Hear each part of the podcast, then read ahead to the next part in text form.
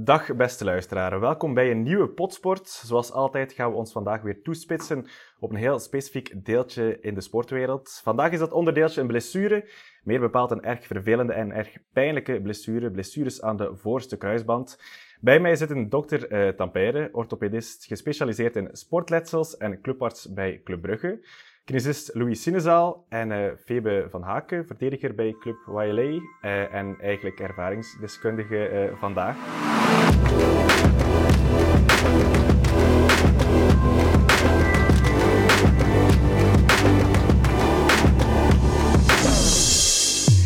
Uh, de voorste kruisband, dat is het onderwerp van vandaag. Uh, maar we spelen eventjes de slimste mens, uh, Dr. Tampere. Welke vijf kernwoorden ja, passen dan bij die voorste kruisband? Um, ja, dat is onmiddellijk een, een vrij moeilijke vraag, omdat het is een heel breed aspect waarvoor dat de kruisband eigenlijk dient. Um, als ik, het eerste woord die bij mij opkomt is stabiliteit. Dus dat is eigenlijk het belangrijkste of de belangrijkste functie van een voorste kruisband om stabiliteit te geven. Zowel voor achterwaarts, maar zeker ook um, naar rotatie toe. Um, tweede trefwoord is dan misschien inderdaad pivotsport, zoals uh, voetbal, uh, basket uh, en zo verder. Omdat je Wat doe je dan met pivot? Ehm, dat zijn eigenlijk rotatiesporten, waar dat er vooral tijdens het sporten zelf de zogenaamde cutting manoeuvres in zitten, dus heel snel veranderen van, van richting. Um, en daarbij is de kruisband eigenlijk extreem belangrijk. Om te fietsen bijvoorbeeld, of om te joggen, heb je geen, geen kruisband nodig, maar wel bij die, die rotatiesporten. Um, als ik dan een derde woord uh, mag of moet uh, kiezen, um, denk ik dat ik daar impact uh, zou kiezen, omdat het een heel grote impact heeft, zowel voor de sporter als voor de sportclub, omdat ze een aantal maanden een, uh, een speler kwijt zijn. Voor de, voor de speler of speelster is het een, een zeer ernstige blessure, mm waarvoor dat er toch echt wel uh, tijd nodig is om van te recupereren. Kom ik direct bij mijn vierde woord, dan zitten we al richting revalidatie. en daar wil ik zeggen wilskracht omdat je toch wel uit het, het goede hout moet gesneden zijn om, om die revalidatie tot een goed eind te brengen. Dat is een, een lange periode.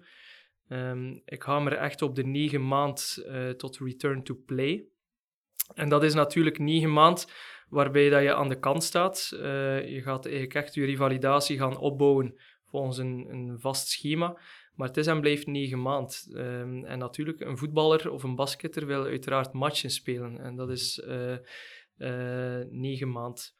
Uh, en dan het laatste woord ga ik dan misschien uh, voldoening nemen. Uh, omdat ik denk, als je als sporter terugkomt van zo'n blessure, kom je vaak sterker terug. En ik denk dat dat zeer veel voldoening heeft voor de speler en ook voor de, de arts en de, de kines er rond.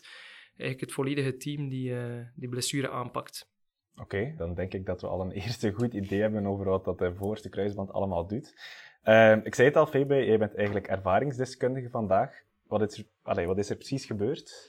Uh, dat was tijdens de match uh, tegen Anderlecht, op Anderlecht. Uh, de spits wou naar links gaan, dus ik zet mijn voet ook naar links. En ineens wou ze draaien naar rechts, dus ik draai met mijn lichaam en krak. En voelde je dan iets? Of ja, ik, voelde, ik voel en hoorde alles kraken eigenlijk. ze zijn zelf tot op de bank gehoord kraken. dus ja, heel pijnlijk. En dat, nadien, wat, wat dan? Um, ja, dat was like een soort shock dat je zit. Uh, dan hebben ze me van het veld moeten want ik kon allee, mijn been niet meer plooien. Uh, dan ja, wachten in de kleedkamer op de ambulance. Um, dan, ja, maar ik wist al direct dat, allee, dat het eigenlijk kruisband was. Omdat ik, ja, ik had nog nooit zoiets gevoeld in mijn leven. Dus ja, dan uh, op weg naar het ziekenhuis. dan bleek dat, me, dat ik een luxatie had van mijn been. En als ze mijn been eigenlijk moet terug recht zetten. Um, dus ja. Eventjes dan, medisch gezien, wat gebeurt er op het moment dat je die krak hoort? Dat, dat je hoort van, oh, er is hier iets? Wel, uh, Phoebe heeft eigenlijk het, het manoeuvre om een kruisband te scheuren heel mooi beschreven. Um, laten we zeggen, in 70% van de gevallen is een, een voorste kruisbandscheur eigenlijk een non-contact uh, letsel. Dus dat er geen speler in of tegenspeler in de, om, in de onmiddellijke omgeving aanwezig is. Dus dat is inderdaad het typische verhaal. De speler of speelster zet de voet um, en draait weg. En dan ontstaat er eigenlijk inderdaad uh, door een samenloop van omstandigheden meestal. Je moet de perfecte positie hebben, eigenlijk van de knie, een beetje valgus zoals dat we dat noemen. Ook de rotatie van het bovenlichaam is belangrijk.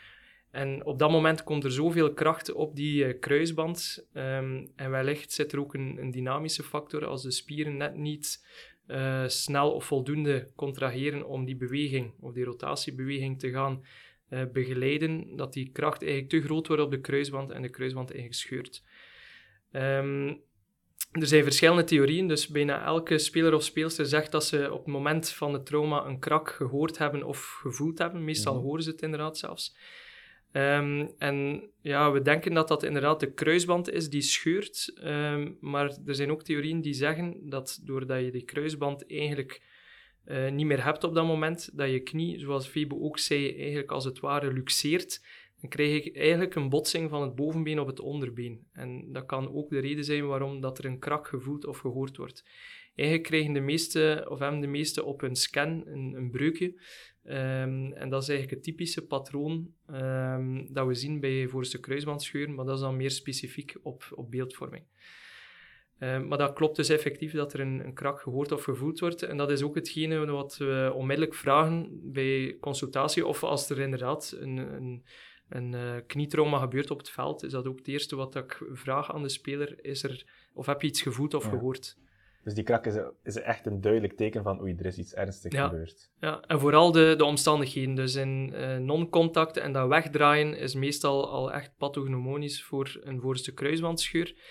Uh, vroeger was dat ook een klinische diagnose. Nu hebben we heel snelle beschikbaarheid van beeldvorming. Ik denk, Fiber lag een dag nadien al op de, de MR. Mm uh, we hebben heel snel diagnoses met beeldvorming, maar eigenlijk is het een diagnose dat je stelt op basis van het verhaal en dan ook het, het klinische beeld. Ja, en dan na die krak volgt de pijn. Uh, op een schaal van 0 tot 10, hoeveel pijn ervaart je dan? Um, maar het was eerder zo een verschot dan echt pijn, pijn. Maar ik denk toen 7 op 10. Je bent dan naar het ziekenhuis gekomen en wat is er dan allemaal gebeurd eigenlijk? Um, dan ja, twee dagen daarna moest ik zo'n uh, beeldvorming doen en dan bleek uiteindelijk dat mijn kruisband inderdaad gescheurd was. Uh, dan moest ik zoveel mogelijk proberen uh, mijn been te strekken en plooien voordat je eigenlijk mag opereren. Ja.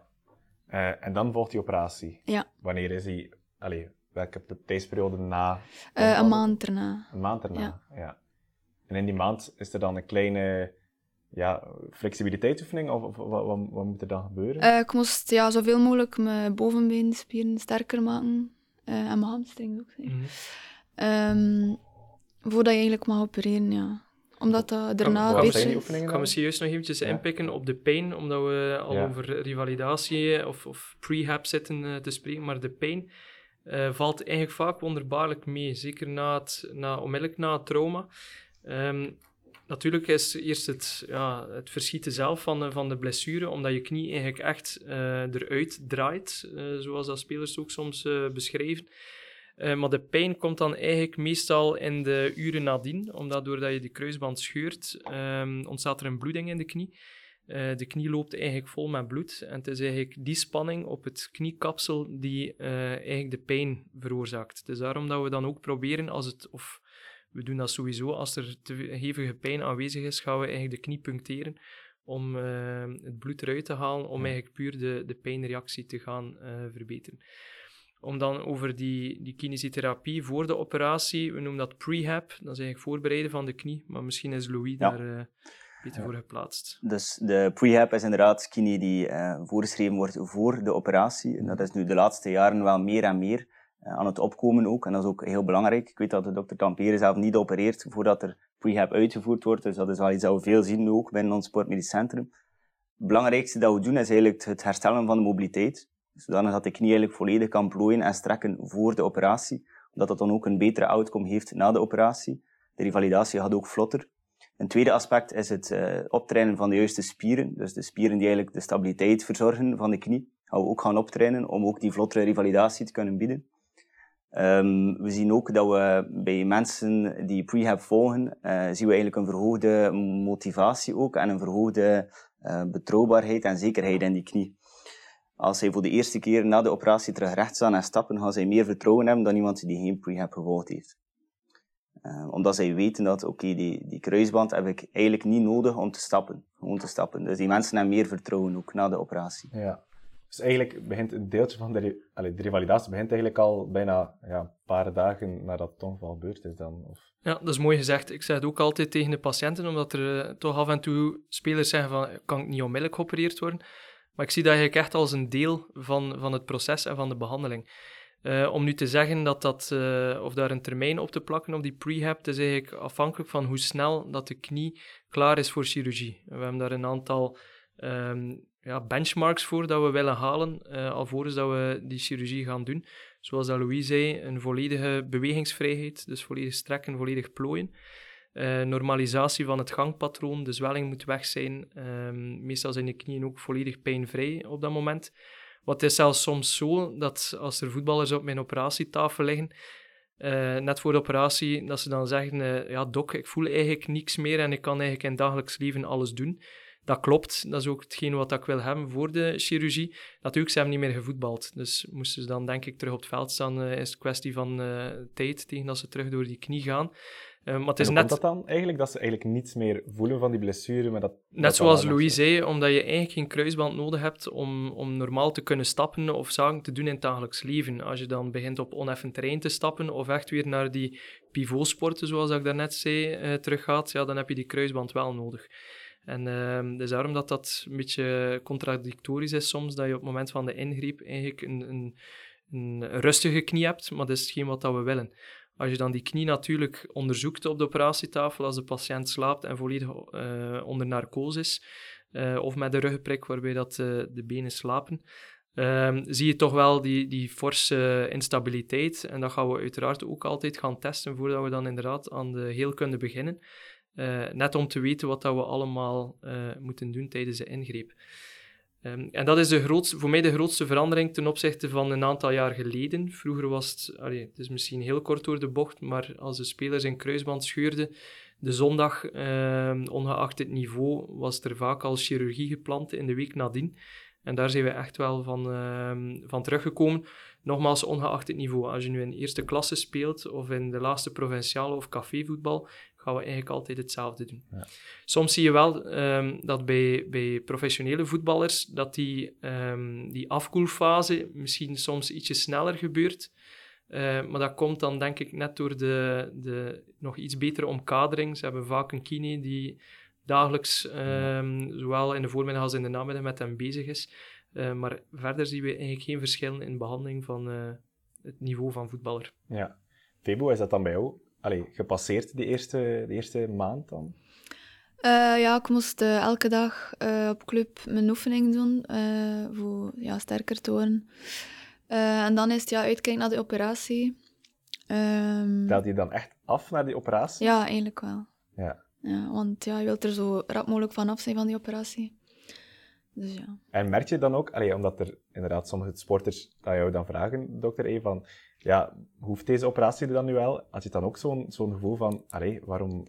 Nee, want ik voelde dat mijn knie zo instabiel was. Dus ik voelde dat, ja. Tijdens uw oefeningen voelde je dan van, oei, eigenlijk is het nog niet oké. Wat er ook bepalend is in dit, is um, als er bijkomende letsels zijn. Als er uh, kraakbeenletsels zijn, maar vooral meniscusletsels, uh, gaat dat natuurlijk ook weer wel uh, gaan bepalen hoe lang dat we wachten en hetgeen wat dat er nog gevoeld wordt. Bij Fee was dat wel inderdaad uh, nog een iets zwaarder knieletsel dan puur de kruisband. Uh, dus daarom dat er ook zo, uh, zoveel pijn was en dat die, die prehab inderdaad een, een instabiel gevoel gaf. En um, wat zorgt ervoor dat, er, dat er bijkomende letsels zijn? Is dat dan door die beweging die op dat moment heeft plaatsgevonden? Van hoe brusk die was? Of, of heeft dat met andere zaken te maken nog? We kunnen, dat is inderdaad zeer moeilijk te beantwoorden, waarom dat uh, de ene sporter wel meniscusletsels doet en bij de andere niet. En dat, ja, dat wordt vooral veroorzaakt door de knie die als het ware uit de kom gaat, dus echt luxeert. En dan sleur je eigenlijk de, de buitenste meniscus vooral mee, waarbij dat je daar vaak scheuren ziet. Uh, maar de binnenste meniscus ook. En ja, soms zien we voetballers die geen bijkomende letsels hebben. Anderen hebben dan beide menisci die, die beschadigd zijn. Uh, dus dat is echt wel op het moment van de chirurgie. Oké, je hebt je beeldvorming wel. Maar tijdens de heelkunde is dat vaak wel à la carte. Dat we dan gaan kijken van oké, wat moeten we hoe behandelen. Um, dus dat is vaak ook wel wat bepalend ook voor de revalidatie nadien. Maar ik denk dat we daar straks uh, op terugkomen. Ja. Um, we zitten nu ongeveer aan de, aan de operatie zelf, aan de ingreep. Um, hoe gaat die in zijn werk? Wat gebeurt er bijvoorbeeld in die knie dan, of tijdens die operatie precies? Uh, er wordt zoveel mogelijk via kijkoperatie uh, gedaan, waarbij dat we eigenlijk twee kleine gaatjes maken vooraan op de knie. Uh, eentje voor de camera en dan eentje voor werkinstrumenten. Natuurlijk, um, om de kruisband te reconstrueren, dus de kruisband is volledig kapot. Zeker bij voetballers zien we eigenlijk meestal dat dat een, een kruisband is die, um, die echt volledig kapot is. Ik vergelijk dat aan mijn uh, spelers vaak uh, als een bundel gekookte spaghetti dat je vastneemt en daar hard aan trekt. En dat is eigenlijk ook het beeld dat we zien um, tijdens de kijkoperatie. Dus dat dat allemaal flarden kruisband zijn die daar liggen mhm. en eigenlijk geen functie meer hebben. Natuurlijk kan die vezels niet meer opnieuw gebruiken. En dan hebben we eigenlijk ander materiaal nodig om die kruisband te gaan uh, reconstrueren. En daarvoor gebruiken we klassiek uh, een van de hamstringpezen. Je kan daar eentje van missen, waarbij dat we dan eigenlijk via een kleine incisie vooraan op het onderbeen uh, die pees losmaken en uh, uit het bovenbeen halen. Um, dat wordt dan eigenlijk zeer zorgvuldig opgehecht tot een, mhm. een zeer stevige bundel. Um, en dan moeten we natuurlijk die kruisband in, in de knie krijgen op de plaats waar dat de, de gescheurde kruisband of de oorspronkelijke kruisband zat. En daarvoor um, boren we dan eigenlijk uh, tunneltjes, zowel in het onderbeen als in het bovenbeen. En tussen die twee tunnels wordt dan eigenlijk de nieuwe kruisband opgespannen.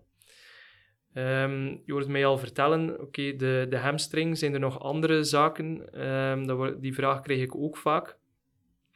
Dus klassiek in Europa wordt de, een van de hamstringpezen gebruikt. Uh, een zeer wa waardig alternatief is eigenlijk de, een stukje van de, van de knieschijfpees, dus de patella-pees, of van de quadricepspees. En dat zijn ook uh, bewezen zeer sterke grafts. Um, ik gebruik ze afhankelijk van um, de sporter die voor me zit en afhankelijk van de bijkomende letsels. En als ik dat verder allee, mag, mag specifieren, als we bijvoorbeeld een zwaar letsel hebben van de, de binnenste gewrichtsband, dus de mediale band, ga ik eigenlijk al geen hamstring gebruiken, omdat de hamstring eigenlijk vastzit aan de, de binnenkant van de knie en eigenlijk de, de mediale band eigenlijk gaat uh, ondersteunen naar stabiliteit toe. Um, dus als er een zwaar mediaal bandletsel is, dan uh, laat ik liever die uh, pees daar intact, omdat die meehelpt met de stabiliteit aan de binnenkant. En dan gaan we eigenlijk um, een quadriceps of patella pees gaan nemen. Ook afhankelijk van de sport um, gaan we daar ook een beetje, een beetje mee gaan, gaan opletten. Um, en, en dan gaan we eigenlijk per sporter of per uh, discipline eigenlijk, ik ga het zo zeggen, per persoon die voor u zit, een, uh, echt een op maat gemaakte uh, planning gaan doen. Tijdens de operatie, dan tijdens de kijkoperatie, moeten we uiteraard ook uh, de bijkomende letsels gaan behandelen. Dus dat gebeurt allemaal in één ingreep, um, waarbij dat we ook de, de meniscus herstellen of um, hechten, uh, of een stukje wegnemen als dat nodig is. Uiteraard proberen we de meniscus, eigenlijk, of de menisci, je hebt er twee, eigenlijk altijd uh, te gaan redden. vooral omdat je te maken hebt met, met zeer jonge mensen. Uh, en het is ondertussen voldoende bewezen dat uh, de meniscus eigenlijk zeer uh, belangrijk is naar de bescherming van, van het kraakbeen. Ja. En dan gaan we er alles aan gaan doen om die meniscus te redden. En dan finaal, um, zeker bij de zogenaamde pivotsporten dat ik daarnet beschreef, zoals bij Febe, gaan we altijd ook een extra versteviging gaan doen aan de buitenkant. En dat is dan via een, een sneetje van een 5, 6 centimeter over de buitenkant van de knie om eigenlijk een extra versteviging te gaan geven om het risico om eigenlijk die nieuwe kruisband um, te gaan beschermen. En net om het risico om hem opnieuw te scheuren zo laag mogelijk te krijgen. Want die, die hamstringpees, dat is lichaams eigen materiaal. Dat is niet van staal, zeg ik altijd. Dus je kan dat altijd opnieuw scheuren. Het risico bestaat. Maar met die extra versteviging dat we er eigenlijk altijd bij doen, zakt je risico uh, echt wel uh, heel sterk. Wat is die extra versteviging dan? Daarvoor hebben we verschillende opties. Ehm, de meest courante gaan we eigenlijk een, een stukje van het grote peesblad aan de buitenkant uh, gaan losmaken. Een soort van strip, dat we dan eigenlijk onder het uh, lateraal-collateraal ligament uh, plaatsen. Dat is misschien wel technisch. En dat gaan we dan gaan fixeren aan het bovenbeen. En wat is het doel daarvan? Dat is net om die, die draaibewegingen waarbij dat het gebeurd is. Dus Febe heeft dat heel mooi beschreven. Dus wegdraaien veroorzaakt een heel sterke rotatiekracht op de knie. En met die extra versteviging gaan we eigenlijk op die manier de, de nieuwe kruisband gaan beschermen, zodat die piekkracht op die uh, nieuwe kruisband eigenlijk um, binnen de normale grenzen blijft. Ja, en heeft dat dan eigenlijk ook gevolgen? Want um, ja, je neemt dan die ham hamstringpees weg. Is dan die persoon gevoeliger voor, voor hamstringblessures op een of andere manier, of niet? Dat is een uh, zeer goede vraag. Ik ga dan straks naar, uh, naar Louis ook kijken. Dat is inderdaad uh, bewezen dat, dat voetballers die een, een kruisbandreconstructie hebben gehad met een autologe hamstringpees wat vatbaarder zijn voor hamstringblessures. Um, al is dat denk ik wel relatief, omdat je als je heel fel daarop gaat inzetten tijdens de revalidatie, na je voorste kruisbandreconstructie kan je dat risico wel echt uh, onder controle houden. Uh, dat is trouwens een van de, de onderwerpen van mijn doctoraatsproject, uh, waarbij we ondertussen wel aangetoond hebben dat um, de functie die de we meestal gebruiken, voor een heel groot deel gecompenseerd wordt als die juist opgetraind worden door een van de andere belangrijke hamstringpezen die we uiteraard wel ter plaatse laten. maar dat is een zeer, zeer terechte vraag. Ja. Um, we gaan er straks nog iets meer over vertellen dan voor, de revalidatie dan, specifiek. Uh, maar die operatie zelf, heb je daar iets van ervaren? Uh, ik, had, uh, ik had nog nooit in een ziekenhuis gelegen of um, een, er, een erge blessure gehad.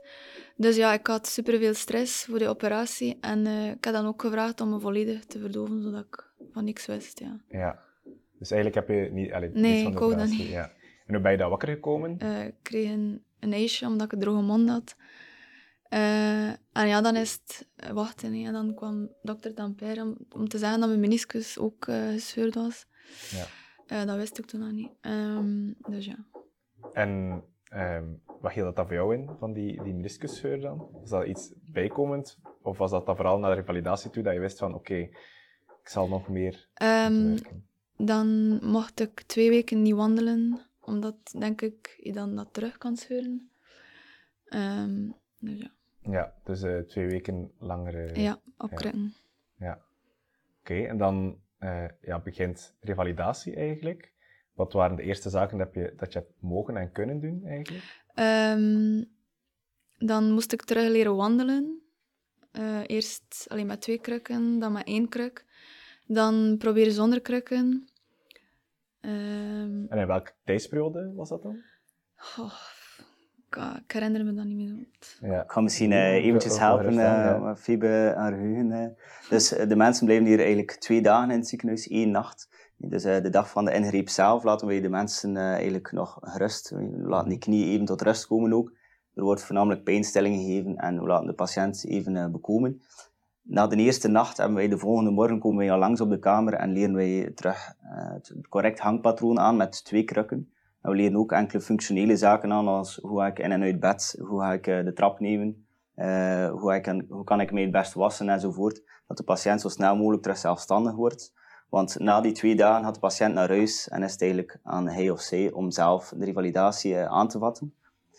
Wat doen wij in de beginfase van de revalidatie? Dus de mensen mogen direct beginnen met kine, is eigenlijk herstellen van mobiliteit zo snel mogelijk. De neuromusculaire, neuromusculaire controle herstellen. Dat wil zeggen dat je eigenlijk terug bepaalde controle leert krijgen over bepaalde spieren. Want die verbinding tussen spier en hersenen is op dat moment verzwakt. Um, wat leren we nog aan? Circulatoire oefentherapie. Circulatoire oefentherapie om de zwelling te reduceren zo snel mogelijk. Uh, en enkele pijnstillende oefeningen geven ook. Uh, dat is de eerste fase, de de acute fase. En hoe lang duurt die fase dan? Dat is afhankelijk patiënt tot patiënt, maar meestal uh, zijn de eerste week à twee weken toch wel de, de moeilijkste weken voor de patiënt. Uh, daarna krijgen zij wat meer vertrouwen, kunnen zij zelf meer doen. Um, is de meeste pijn weg eigenlijk. Ja. Um, we hebben natuurlijk te maken met een sporter. Die mensen zijn altijd heel gemotiveerd. dan zo snel mogelijk terug op het veld komen. Dus educatie is in die gevallen wel heel belangrijk. Wat mogen zij doen, wat mogen zij niet doen? En vooral dat tweede is dan heel belangrijk. Er zijn bepaalde dingen dat je niet mocht doen, zoals bij Febe met die meniscushechting. Mag je inderdaad iets langer niet steunen. Dat is wel belangrijk dat je dan als kine ook aanleert wat zij mogen doen en niet moeten. Ja. Um, dat zijn eerder type patiënten dat je moet intonen. Ja. En voordat het traject dan start uh, van een patiënt, wordt er, allee, wordt er dan samenzitten tussen arts en tussen, tussen kine van oké, okay, dit, dit is er gebeurd, de operatie hebben we op die manier aangepakt. Want je zei het al, ja, uh, afhankelijk van wat dat we doen tijdens de operatie of wat dat we gebruiken, wordt er ook een andere klemtoon gelegd. Hoe, hoe verloopt dat dan? Wel, de protocollen zijn verschillend per ingreep. Dus wij krijgen dan via de arts mee, dokter Tampere, mee van wij mogen bijvoorbeeld in het geval van een meniscushechting dit niet doen en dit wel doen. Ook bijvoorbeeld het dragen van een brace kan verschillend zijn. Wij krijgen dat dan mee via de arts en zo leren wij dat dan eigenlijk aan aan onze patiënt. En in dit geval dan, uh, hoe was het bij Febe dan? Uh, bij Febe hebben we inderdaad een, een hamstring uh, gebruikt. Uh, en dan gaan we inderdaad in dialoog met de, de kine. Natuurlijk op Club Brugge uh, allee, kennen we het team ook zeer goed. Waarbij dat die, die begeleiding dan uiteraard ook um, van heel nauw gevolgd wordt. Um, en gaan we inderdaad gaan bijsturen. Hè. Um, ik zie me soms, allee, ik zie me vaak na de operatie dan een beetje als coach van die spelers, de coach van een revalidatie dan toch. omdat je, zoals Louis ook zei, soms of vaak moet je um, de, de voetballer of, of speelster gaan, gaan afremmen. Heb jij dan die eerste periode doorgemaakt? Was het ook even van, oei, uh, let op, uh, die rem moet er eventjes op. Uh, die, rem, die, rem, stond er eigenlijk op, als ja. ik mag onderbreken, ja. omdat allee, de, de twee menisci waren eigenlijk beschadigd, dus daar moesten we zeker al ja. wat in het begin eh, op de rem staan. En dan ga ik de rest aan, aan Febe laten. Ja. Uh, ja, de eerste twee weken waren echt super pijnlijk. Um, en dan mocht ik inderdaad beginnen wandelen. Um, maar allee, ik kon mijn benen nog niet zo goed plooien. Dus de kine heeft echt zo... moet dan manipuleren. Uh, dus ja, en dan inderdaad kijk uit naar wanneer je mag lopen. Um, en zo ja, stapje per stapje. Ja.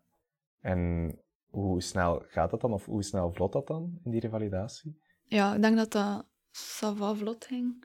Vanaf wanneer mocht je dan bijvoorbeeld, jij persoonlijk, vanaf wanneer mocht je dan gaan lopen? Uh, ik denk dat dat rond de dag 90 was, dat ik ja. voor de eerste keer ben gaan lopen. Dus na drie maanden Klopt, dat is ongeveer drie maanden. Uh, ja. Dat is inderdaad... Ik ga misschien even inpikken. Uh, vroeger werd er bijna uitsluitend tijdscontingent gewerkt. Vanaf drie maanden mocht een patiënt beginnen lopen. Nu gaan we meer en meer op testing gaan inzetten. Dus mensen moeten ook slagen voor bepaalde krachttesting, vooraleer dat ze mogen beginnen lopen. Want ieder patiënt herstelt toch iets sneller of, of net iets trager dan de andere. Dus het is belangrijk dat je niet enkel naar de tijd kijkt van de, na, de, na de operatie, maar ook bepaalde krachttesting afneemt. Dus doorheen de, de revalidatieperiode zijn er eigenlijk bepaalde ja, moet zeggen, checkpoints, zal ik het maar zeggen, uh, waarop dat er dan wordt getest um, of dat de patiënt eigenlijk naar het volgende level kan gaan. Ja, zo kun je het inderdaad zien. We hebben samen met de dienst orthopedie eigenlijk een zorgpad, het Cruciate Care Protocol, uitgewerkt, waarbij dat we op geëikte momenten, maand 1, 3, 5 en 7 na de operatie, onze patiënten terugzien en bepaalde testing afnemen. Zo hebben we ook uh, een database met benchmarks en zien wij van die patiënt scoort iets beter of slechter op mobiliteit, iets beter of slechter op kracht. En zo kunnen wij meegeven aan de kine, of als die mensen bij ons komen revalideren, kunnen we iets meer werken op de weak Ja, dan heel specifiek, um, wat is zo'n test dan, of wat meet je Bijvoorbeeld, de mobiliteit wordt gemeten van de knie, hoe het strekt en plooit de knie, maar ook bepaalde krachttesten worden gemeten. Uh, hoe sterk zijn de quadriceps ten opzichte van de hamstrings? Um, hoe goed zijn de sprongtesten, bepaalde sprongtesten die we afnemen? Um, agility testen, hoe wendbaar is onze patiënt eigenlijk na bepaalde tijd? Um, bijvoorbeeld na zeven maanden is er wel een uitgebreide testing van een uur, een uur en een half eigenlijk. Dat is ook de laatste keer dat we de patiënt zien. Dus het is wel belangrijk dat we op die moment zien van oké, hij is, is klaar voor de eindfase van de REVA. En hij mag waarschijnlijk terug beginnen sporten op het veld. Soms is het ook de andere kant van de medaille dat we zien van oké, ze scoren zwakker dan dat zou moeten zijn. Die periode van negen maanden zal waarschijnlijk nog iets langer duren, tegen dat terug mag voetballen. Dat is dan in samenspraak met de arts. Ja. Um, en op welke Allee, welke oefeningen worden er dan bijvoorbeeld gedaan tijdens de revalidatie? Op wat, wat focus je dan? zoals dat we beginnen, zoals ik daarnet zei, eigenlijk, in het begin is het voornamelijk intoomen, educatie geven, basisoefeningen. Vanaf uh, maand 1, 2, 3 ga je meer krachtoefeningen gaan doen, progressief opbouwend, afhankelijk van hoe dat je patiënt evolueert. Dan vanaf maand 4, 5, 6, 7 ga je meer explosieve oefeningen doen, krachtoefeningen, agility oefeningen, om die patiënt terug klaar te stomen eigenlijk voor het echte werk op het veld. Ja. ja. Febe, vanaf welk moment in de revalidatie voelde jij weer van oké, eh, hier ben ik weer ja, meer fun te krijgen of hier voel ik dat ik aan het groeien ben? Uh, ik denk vanaf dat je mag beginnen lopen, dat je, allee, dat je ook al veel meer mag doen. En ja, ook uh, meer en meer oefeningen, dus ja. ja. Vanaf dan, ja. En in welke fase zit jij nu in je revalidatie? Uh, ik zit nu rond de acht maanden na operatie. Allee, vorige week heb, is de eerste keer dat ik uh, begin meetrainen met mijn eigen ploeg. dus ik denk binnen een maand dat ik terug mag een match spelen eigenlijk. Ja. En daar kijk je waarschijnlijk wel naar uit dan. ja. En hoe, hoe is het gevoel in je knie nu? Goed. Ik voel me goed, alleen sterker dan ervoor. Ik ben ook vijf kilo spieren bijgekomen. Um, ik voel ook dat mijn linkerknie veel sterker is. Um, dus ja. En is dan ook dat wat je bedoelt, dokter? Van, ja, we zien meestal dat de sporter dan nog sterker terugkomt dan ervoor. Is dat dan door eigenlijk ja, even de tijd te nemen om eigenlijk ja, alles ja, in het hele lichaam dan, vermoed ik, eigenlijk tijdens de revalidatie beter af te stellen? Dat vind ik de max om, om te werken met sporters, omdat die dan, een keer dat ze voorbij die, die slag zijn van oké, ik ben geblesseerd, dat de meesten dan echt wel die negen maanden aangrijpen om uh, ook andere zwakke punten die ze vroeger hadden eigenlijk te gaan wegwerken. In het geval van Phoebus is een centrale verdediger. Ze heeft gezegd van oké, ik sta er nu voor en ik ga nu die tijd ook nemen om gewoon globaal sterker te worden. Um, dus ze worden fysiek sterker, maar ik vind vaak ook mentaal. Omdat ze die negen maanden zijn ze op zichzelf aangewezen met de kine, zijn ze weg van de groep. Um, en moeten ze echt wel die tijd, of kunnen ze die tijd nuttig besteden. Uh, zoals dat Febe gedaan heeft. Um, en dat geeft meestal het gevoel aan de speler, ja, ik, ben, ben, ik kom sterker terug dan, dan ervoor. Het traject van Febe duurde nu, denk ik, ongeveer in totaal negen maanden. Hey. is dat altijd zo'n periode dat je mag rekenen? Of zijn er ook sporters die dat ja, ietsje sneller uh, afleggen, dat traject? Of is het eigenlijk negen maanden is eigenlijk ja, het snelste bijna dat we zien? En ja, dan zijn er sporters die soms langer bezig zijn. Goh, in C zou je het denk ik puur op basis van de evolutie van veel sporters kunnen zeggen. Misschien kunnen we wat, wat sneller uh, gaan, maar dat is ondertussen echt wel in hele grote studies bewezen dat iedere maand dat je uh, vroeger dan die negen maanden terug op het veld staat, dat je risico om die kruisband opnieuw te schuren echt wel fel verhoogd is. En we zien echt een duidelijke drop vanaf uh, die, die maand 9. Dus daarom dat we dat altijd toch wel uh, gaan vooropstellen als doel. En dan zijn er inderdaad altijd wel verhalen, internationaal dan, van, van spelers ook in, in eerste klasses die dan daar terugstaan na zes maand. of, of zeven maand bij wijze van spreken. Maar dat is toch een, een vrij groot risico dat op dat moment genomen wordt. Um, en dan zie je vaak, als je die spelers dan wat volgt in de jaren nadien, dat die toch wel vaak van de ene naar de, de andere blessure uh, sukkelen, als ik het zo, zo mag zeggen. Ja, dus beter hou je aan die periode dan. Ja, ik denk dat het inderdaad belangrijk is om te weten dat, dat topsporters, bijvoorbeeld internationale voetballers, uh, geen bovennatuurlijk snel herstel hebben van, van die nieuwe kruisband. Mm -hmm. We kregen vaak de vraag bij de kine, uh, wat als ik een echte topsporter was en ik mij volledig kan, kon gooien op die Reva, ging ik dan sneller revalideren? Eigenlijk niet. Die tijdsduur heeft gewoon uh, die tijd nodig ook, om veilig uh, te kunnen revalideren. Dus ik denk dat dat sowieso wel een standaard tijd nodig heeft. Ja. ja. Je kunt dat niet forceren ook. Iets los daarvan, ehm, kunnen sporters ook iets doen om die blessure te gaan voorkomen? Om daarop in te zetten van, oké, okay, goed, ik ja, ik wil het liefst niet uh, negen maanden aan de kant zitten. Uh, kunnen zij speciale oefeningen gaan doen of zo? Of worden er zaken gedaan? Uh, Binnen professionele sportclubs wordt nu wel meer ingezet op preventieve geneeskunde. Wij zien dan ook vaak komen bij ons sporters voor preventieve testing, pre-season testing dan, om zo weaklings te screenen en aan te pakken natuurlijk ook. Dus in die zin wordt er wel op gewerkt op die weaklings. Um, zoals dat Febar manoeuvre beschreef, en dokter Tamper ook, is de, de positie van uw romp tijdens het schuren van een kruisband bijvoorbeeld, uh, speelt dat een rol. Als wij kunnen zorgen dat we die, die uh, core optrainen eh, en die rompcontrole kunnen verbeteren tijdens bepaalde manoeuvres, verkleint ook de kans om die blessure te krijgen. Minimaliseren is niet mogelijk, denk ik. Volledig wegdenken van die blessure, maar we kunnen wel de kans op een blessure gaan verkleinen door de weaklings aan te pakken. Ja. Um, bij jou in de ploeg dan, is door jouw ervaring of door het voorval zijn er specifieke preventieve maatregelen genomen dan? Ja, ik denk dat, we nu, dat ze nu veel meer uh, inzetten op testing, bijvoorbeeld van de hamstrings. Uh, dat, de, dat je zoveel procent verschil mag hebben. Uh, anders ja, moet je inderdaad veel meer oefening doen ook, om dat te voorkomen. Ja. Ja, dus er wordt gemeten eigenlijk of dat er een verschil zit tussen ja, het linkerbeen en het rechterbeen, veronderstel ik dan. voor die rotatie dan, of, of voor wat is dat dan precies, dat verschil opmeten?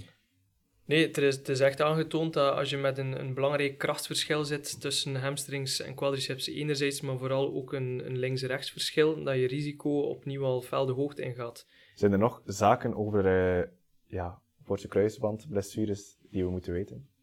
Ik denk dat we nog één topic niet, uh, of, of, bijna niet behandeld hebben, en dat is het mentale aspect. Mm uh, die voor mij minstens even belangrijk is als de blessure zelf. Um, omdat als je de internationale literatuur bekijkt, zie je wel een beetje um, ergens uh, ontgoochelende cijfers. Dus globaal gezien zien we dat er ongeveer 50 tot 60 procent um, van de, de sporters eigenlijk teruggaat naar hun initiële sport op het niveau van voor een blessure. En dat is niet zo heel veel. Hè. Ja. Um, en dat, dat komt niet omdat die knie uh, slecht geopereerd is of omdat die knie zwak is, maar dat is gewoon omdat er zo een mentaal aspect aan die blessure aan verbonden is, dat er eigenlijk uh, een soort van schrik ontstaat om die blessure opnieuw door te maken. We zien wel, als we dan naar de richting professionele uh, sporters gaan, dat dat cijfer echt wel een heel stuk verbetert. Daar zitten we zeker allee, boven het 90 tot 100 procent. Um, die terug naar, naar een niveau, niveau van ervoor gaat. Maar het zijn heel veel voetballers van lagere uh, klasses die dan zeggen van ja, oké, ehm, het is mij niet meer waard om nog een keer zo'n blessure door te maken, die dan stoppen met voetbal, want dat telt ook mee in die cijfers. Maar heel vaak is het ook ergens uit schrik van ik ga dat manoeuvre uh, terug doormaken en blijkbaar, ik heb het gelukkig nooit uh, zelf meegemaakt, maar dat heeft echt wel een, een heel belangrijk mentaal impact. En dat mentale aspect, hoe, hoe behandelen jullie dat dan allemaal eigenlijk? Wel, je hebt nu enerzijds het mentale aspect op vlak van schrik om terug die scheur op, op te doen. Je hebt natuurlijk ook het mentale aspect op vlak van uh, de revalidatie. Even, even diep zitten in de revalidatie. Het gaat, het gaat niet meer vooruit, het gaat niet zoals je verwacht had. Ook dat is belangrijk, dat is meer waar wij op inzetten dan. In de eerste fase gaan we eigenlijk al via het Cruciate Care protocol, dat ik daarnet beschaf, uh, eigenlijk ook gaan inzetten op psychologische vragenlijsten kijken, zitten daar al elementen in die aantonen dat die sporter eventueel wat, wat moeilijkheden heeft met die revalidatie, mentaal dan. Mm -hmm. En stel dat er blijkt dat, dat er moeilijkheden zijn effectief, wat, hoe gaan jullie dat, dan, daar dan mee, mee, om? Dat wordt dan behandeld door onze sportpsycholoog, die we ook in de vorige podcast hebben uh, uitgenodigd. Um, hij ziet die patiënten dan en hij volgt die patiënten dan op zolang nodig. Ja. Dus noods doorheen heel de revalidatie. Um, het aspect dat Dr. Tampere beschreef, het mentale aspect, um, de schrik om terug die scheur herop te doen, gaan we eigenlijk op het einde van de revalidatie hier gaan aanpakken. Door eigenlijk die voetballer echt te laten voetballen ook en bepaalde drills te laten uitvoeren, zodanig dat hij eens op het veld ook weet van oké, okay, ik kan dat. Ik heb dat binnen de kine gedaan, ik kan dat ook op het veld. Dus dat is wel belangrijk. Het is niet enkel oefeningen doen naar stabiliteit toe, het is ook echt belangrijk om voetbalspecifieke oefeningen te doen.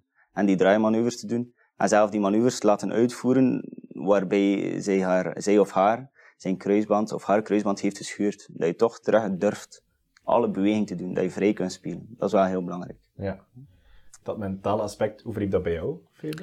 Uh, ik had er ook wel veel last van in het begin, uh, omdat ik ja, gewoon bang was voor alles te doen. Uh, en dan heb ik met de psycholoog van club ook wel gebabbeld maar dat is eigenlijk een knop dat je moet om, omdraaien en er vol voor gaan. En beetje per beetje ga je meer vertrouwen krijgen. En ja, het zijn nu nog wel momenten dat ik er soms aan denk van... Fuck, wat als ik nu draai en klap. Maar ik denk dat dat, dat hebt weg, ja. Ja. En hoe heb jij dan die knop, knop kunnen omdraaien? Um, oh, ik zeg het gewoon uh, dat ik meer, meer en meer vertrouwen krijg in mijn knie en in mezelf. En ook dan de mensen en mijn teamgenoten die me pushten. Uh, zodanig dat je ja, er vol voor, voor gaat. Heb je nog een, uh, zeg, een goede raad voor mensen die een blessure oplopen aan hun voorste kruisband? Um, niet te veel nadenken over wat er nog kan gebeuren, maar ik zeg het gewoon er vol voor gaan en je smijten, ja. Dat dat een mooie zin is om uh, mee af te sluiten. Absoluut. Ik dank jullie allemaal uh, voor jullie komst. En dan zie ik jullie graag terug voor de volgende Potsport.